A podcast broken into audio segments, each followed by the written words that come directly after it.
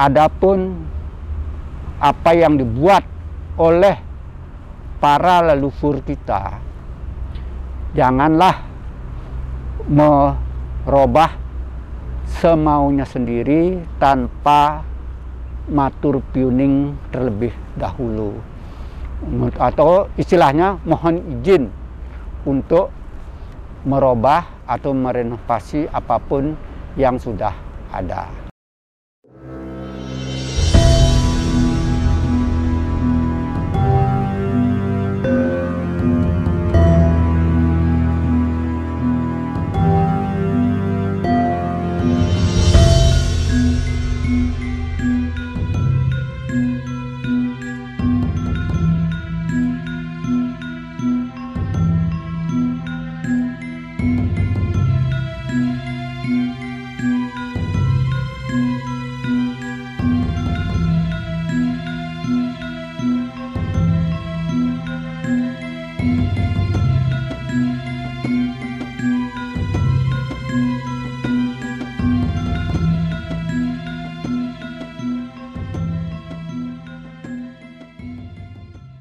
Kepada para umat sedharma kami menyampaikan salam Om Swastiastu. Adapun kami sebagai penandita Pura Aditya Jaya ini kami menjelaskan sejarah dari Pura Aditya Jaya Rawamangun ini. Uh, mohon izin kami kepada para sesepuh terutama yang telah mendirikan pura ini.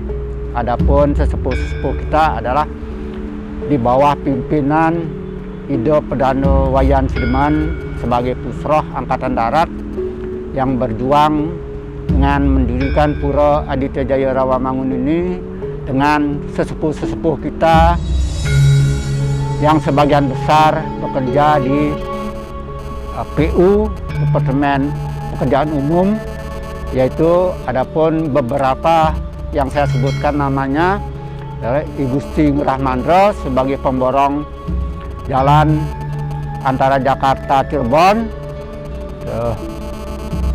Insinyur Brano, Pak Suratin, Pak Kembar, Pak Jinggo, Pak Kompiang, dan lain sebagainya. Banyak lagi tokoh-tokoh kita itu. Berhubung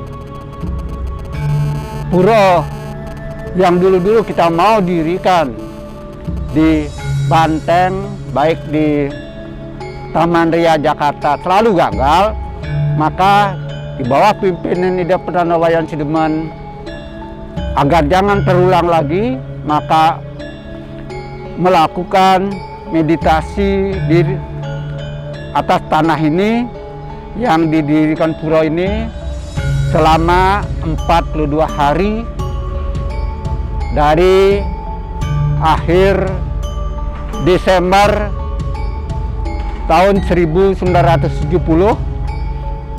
sampai Januari 1971 maka beliau mendapatkan wangsit. Akan diizinkan mendirikan pura ini dengan syarat Banten yang kita haturkan tiap purnama tilam tumpak tidak kurang adalah pertama prasita sesayut Dharma Wiku, sayut Amerta Jati, sesayut Amerta Tirta, sayut Amuktisati, Pejati, dan Rayunan. Dan berisi tumpang pitu di ajang ide perdana.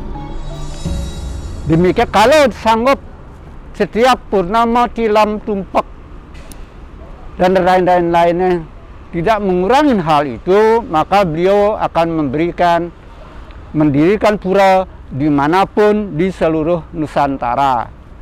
Maka Ida Perdana Wayan Sineman yang menerima wangsit tersebut mengajak para tokoh-tokoh kita berkumpul untuk membahas hal ini, sanggupkah kita membuatkan Banten tersebut untuk setiap rerainan, setiap saat untuk dihaturkan di Pura Aditya Jaya Rawamangun ini.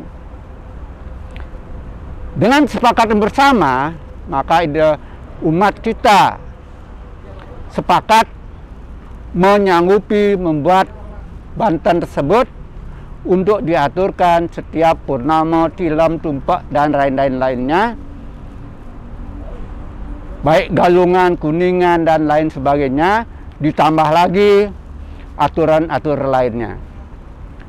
Setelah itu karena ini tanah ini adalah milik PU pada waktu itu dipegang oleh Menteri Bustami Arifin sebagai Menteri PU maka menghadaplah tokoh-tokoh kita itu kepada Insinyur Arifin untuk izin membuat pura di tanah PU ini. Karena tanah PU ini dulunya adalah gudang PU yang pembuatan jalan uh, bypass maka itu diizinkan oleh PU dengan mendapatkan surat izin yaitu bunyinya bila pemerintah akan mengambil tanah tersebut bila ada kepentingan melebihi daripada ketuhanan yang Maha Esa. Dengan demikian dapat surat itu, surat izin untuk mendirikan pura, maka umat Hindu akhir tahun 71 November eh, November tahun 1971 mulailah mulang dasar di sini untuk mendirikan Pura Aditya Jaya Rawamangun ini yaitu dasar dari Padma Sana yang didirikan. Berdirilah itu Pura Aditya Jaya ini dengan dasar tahun tersebut mulai dibangun dan tetap tiap purnama tilam umat Hindu sembahyang di Pura Aditya Jaya ini dengan memakai turus lumbung sebelum Padma itu selesai. Setelah Padma selesai dibangun pada tahun 1973 maka bulan Maret. Bulan Maret diadakanlah mentek linggih Pura Aditya Jaya ini baru pada waktu Padma Sana yang ada. Dengan tembok sementara tidak seperti ini. Tem ada asal penyengkar temboknya berjalan dengan baik. Setelah didirikan itu Pur Padmasana dipakai untuk sembahyang. Berlahan-lahan kita membangun melanjutkan pembangunannya yang dilanjutkan oleh peran di bawah pimpin ide Wayan Sideman yaitu membangun uh, pengelurah terus Kuriagung setelah membangun pengelurah dan Kuriagung maka pada waktu tumpak landap kita mentag linggih ring pengrurah. Dengan demikian, odalan daripada Pura Aditya Jaya dengan Padma Sana dengan pengrurah, maka terjadilah perbedaan di Pura Aditya Jaya ini. Jadi odalannya jadi dua kali, yaitu odalan Padma Sana jatuh pada hari Saraswati sedangkan odalan di Ratu Pengururah jatuh pada tumpak landap. Setelah itu berkembang, berkembang, berkembang, maka kebetulan ada apiran daripada bangunan-bangunan lain di Taman Mini, maka dibawalah ke Pura Rawamangun sebagai balai Xiao ini adalah mendapat apiran dari taman mini. Begitu pula dibangun Balai Pewedan di sini dengan sakenam mulailah itu. Setelah itu tahun 8 1985 menyusul Balai Peplik yang di Mandala Utama dibangun Balai Peplik sedangkan di belakang ada pembangunan yaitu pada waktu selesai membangun maaf ini kita kembali ke pembangun pengelurah itu. Setelah selesai bangun pengelurah maka ada lagi puus puisi yang oleh pedanda buruan pengganti daripada ide pedanda wayan Sideman. Setelah pura ini berdiri dengan ada yaitu Padmesano, Pengerurah, Bali Pewedan, maka kita sesepuh-sesepuh kita mencari pedanda untuk tinggal di pura ini, yaitu men mencari pedanda ke Bali, minta di Bali, maka dikasihlah pedanda buruan yang dari Sibang Kaja untuk tinggal di pulau ini untuk meneruskan upacara-upacara yang ada, memimpin upacara yang berlaku di Pura Aditya Jaya Rawamangun setiap purnama, tilam, tumpak, galungan, kuningan di bawah pimpinan Ida Perdana Buruan Aking Sibang. Setelah itu beliau mendapatkan power untuk mendirikan Padmasari tiga Padmasari tiga yaitu yang di belakang. Setelah berdiri Padmasari 3 maka kita pakai sebagai beji. Kalau sekarang disebut-sebutnya beji sebetulnya Padmasari Rong 3 itu adalah pengastawan. Pengawas pengasawan Ida Petara Sami setelah berdirinya Padmasari Rong 3 maka lama-lama banyaklah terjadi konflik antara umat bahwa Padmasari tiga itu adalah Betara oh, sanggah kemulannya ide pedanda buruan. Maka dari itu banyak yang melapor kepada pedanda putra sebagai generasi pengganti ide pedanda Wayan Cideman karena ide pedanda Wayan Cideman sampun lebar maka Perdana Putra merenovasi Pralina Padmasari tiga nika menjadi tiga yaitu di Pralina dan ada Ganesha di samping Padmasari tiga juga di Pralina karena dari batu tidak susah dihancurkan maka dibuang akhirnya didirikan Padmasari Wisnu bersinaga yang meninggi adalah Ida Perdana eh, Ida Betara Sri Kresna Tanu sebagai Dokter Wisnu. Udah itu berdiri Padmasari dan ada lagi yaitu Dewi Saraswati menjadi tiga bagian lagi. Dengan Ida meninggi Ida Betara Brahma Putri Dewi Saraswati. Untuk itu berkembang berkembang kembang bangunlah kita balik kukul dan Candi Bentar sudah itu membangun pembatas dari bebas agar jangan sampai terjadi hal-hal yang negatif di dalam pura. Maka dibangunlah Candi Bentar yang ke bypass.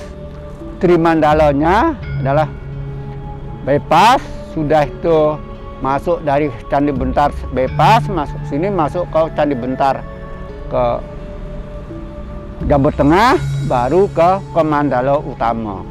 Kenapa kami sebagai Pinandito tahu di dalam ini? Karena kami ke sini ke Jakarta tahun 1969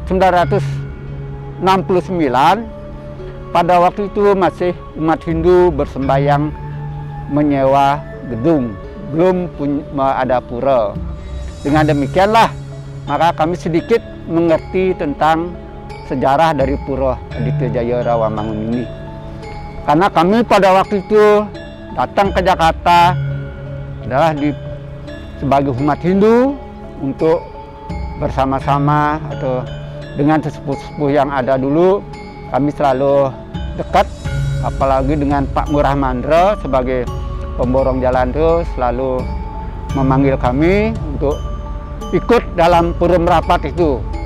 Adapun di dalam hal ini pembangunan-pembangunan pura ini sampai saat ini sekarang sudah hampir sempurna pembangunan di dalam hal ini. Cuman Ganesha yang ada di belakang itu sebetulnya sudah diperalino oleh Ida Perdana Putra. Dan karena itu patung Ganesha itu kuat dan bagus lalak geluduk di, di, diambillah oleh Brahmacari dibuatkan tempat di belakang Padma itu sejarah Ganesha yang ada di belakang Padmo. Sampai sekarang ini banyaklah umat kita yang maturan di Ganesha tersebut.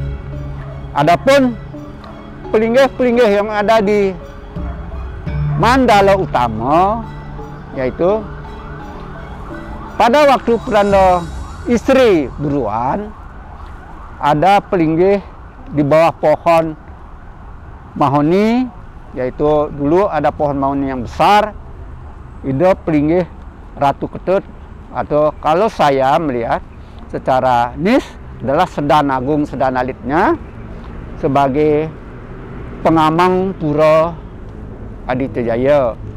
Sudah itu ada pengelurah, ada Padma, ada Bali Peplik.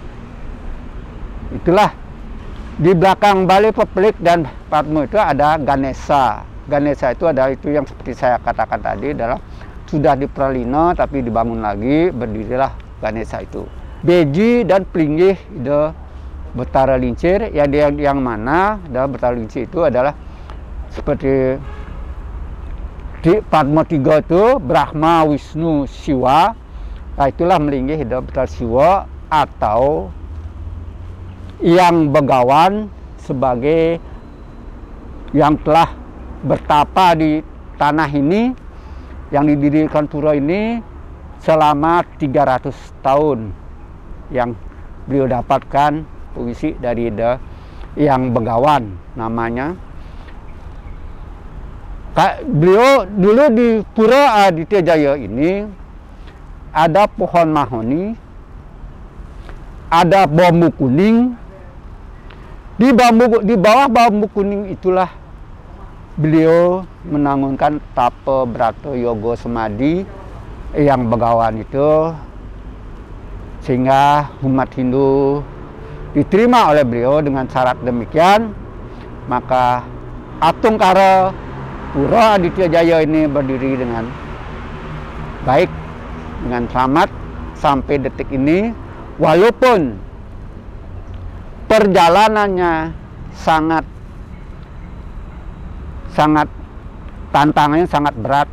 Tetapi Atungkara Pura ini bisa berdiri sampai saat ini dengan kunjungan umat. Sangat banyak yang datang ke Pura Rawamangun ini untuk memohon restu kepada beliau. Demikian secara singkat saya sampaikan sejarah pura ini dan bila mana perlu kapan Bapak bisa menanyakan pura ini mari kita secara langsung kita baca bukunya bersama sejarah pura ini. Tapi kami hari ini kami tidak bawa. Untuk itu mohon maaf yang sebesar-besarnya. Apa yang kami ingat di dalam hal ini. Adapun pelinggih-pelinggih yang di luar daripada mandala utama ada di Kuri Agung ada pengapit lawang. Di Kuri Candi Bentar ada patung Ganesha berdiri. Dua itu adalah yang melinggih Ratu Gede dalam segara ada penunggun karang di bawah pohon beringin di pemedal di yang kebepas dan di belakang juga ada di bawah pohon beringin ada pelinggih yaitu sang kelebang sang kaleireng atau di dalam uh, istilah Balinya yang disebut Ratu Gede dalam bungkut, Ratu Gede Mas Mecaling. Pohon beringin yang ada pelinggih sang kelebang sang kaleireng itu sering orang melihat bahwa ada orang gede merah dan ada orang gede hitam berdiri di sana. Banyak juga yang tahu. Samping itu juga itu adalah pertama kali kepala kerbau titi mamah pada waktu men linggih yang dipuput oleh Do Perdana Wayan Cideman di sonolah dikubur kepala kerbaunya untuk mendapatkan ingin kita biar tanah ini kita bisa miliki seluruhnya. Itulah secara singkat bisa saya sampaikan sejarah pura ini adalah tahap demi tahap. Kalau tahunnya kami sangat, tidak begitu ingat. Kami di dalam ini di, di sini ada. Kenapa di sini merayakan hari tumpak landap karena satu podalan di sini dan juga diketemukan yaitu barang pada waktu penggalian pembangunan pura ini ditemukan sebuah belakas yang berbentuk malen. Itu yang ditemukan yang itu yang kami sampai sekarang kami masih rawat di dalam hal ini lalu bersatu dengan dilinggihkan kalau dalan kita linggih pengerurah dan selalu kita rawat dengan baik sekarang kita bangun Ratu Ketut sudah juga pernah diperalino oleh pengurus yang sudah itu di Peralino di, di dihancurin. Sekarang kami bangun sama seperti darurat di bawah pohon cepaka itu adalah pelinggih Ratu Gede dan Sedan Agung Sedan Alit yang di Pura Aditya Jawa Rawamangun ini. Dan ini bangunan-bangunan yang lainnya sebalik Balai Pewedan Sakepat baru dibangun kurang lebih lima tahun yang lalu di mana ada renovasi pura yaitu mupuk perdagangan dan ditambah balik gong atau balik peselang yang sakenam itu baru berdiri eh, lima tahun. Kurang-kurang lima tahun atau enam tahun yang lalu ini. Demikian pembangunan daripada Pura Aditya Jaya ini. Bila mana Bapak mau bersembayang ke Pura Aditya Jaya Rawamangun hendaknya melalui patung Ganesha berdiri yaitu di sana dulu Bapak mengaturkan canang mohon izin kepada Ido Ratu Gede dalam segara masuk ke dalam Ratu Pengadir Kuri Agung. Sudah itu baru masuk ke jeruan ke mandala utamanya ke uh, Ratu Gede di bawah pohon Paka atau Sedan Agung Sedan Alitnya. Baru ke Padmesana, ke Pengrurah, baru ke dalam ke Ida Betara Lincir di Padma tiga ini ke. Jadi yang sekarang dipecah menjadi tiga. Itu Brahma, Wisnu, dan Siwa. Itu yang sekarang ada dan ada patung Anoman di mana patung Anom itu memang dari dulu permintaan daripada beliau beberapa kali sudah juga ada juga dulu dihancurkan di Pralina tapi sayangnya dia tetap minta berdiri maka tetap ada patung Anoman itu. Marilah kita sebagai umat Hindu yakin dan percaya bahwa adapun apa yang dibuat oleh para leluhur kita janganlah merubah semaunya sendiri tanpa matur piuning terlebih dahulu atau istilahnya mohon izin untuk merubah atau merenovasi apa pun yang sudah ada. Demikian atas perhatiannya bila mana ada yang kurang berkenan atau kata-kata kami yang salah, kami mohon maaf yang sebesar-besarnya karena kami sebagai Pinanito, sebagai umat manusia tidak luput dari kesalahan-kesalahan yang untuk akhir kata kami mengaturkan Om Santi Santi Santi Om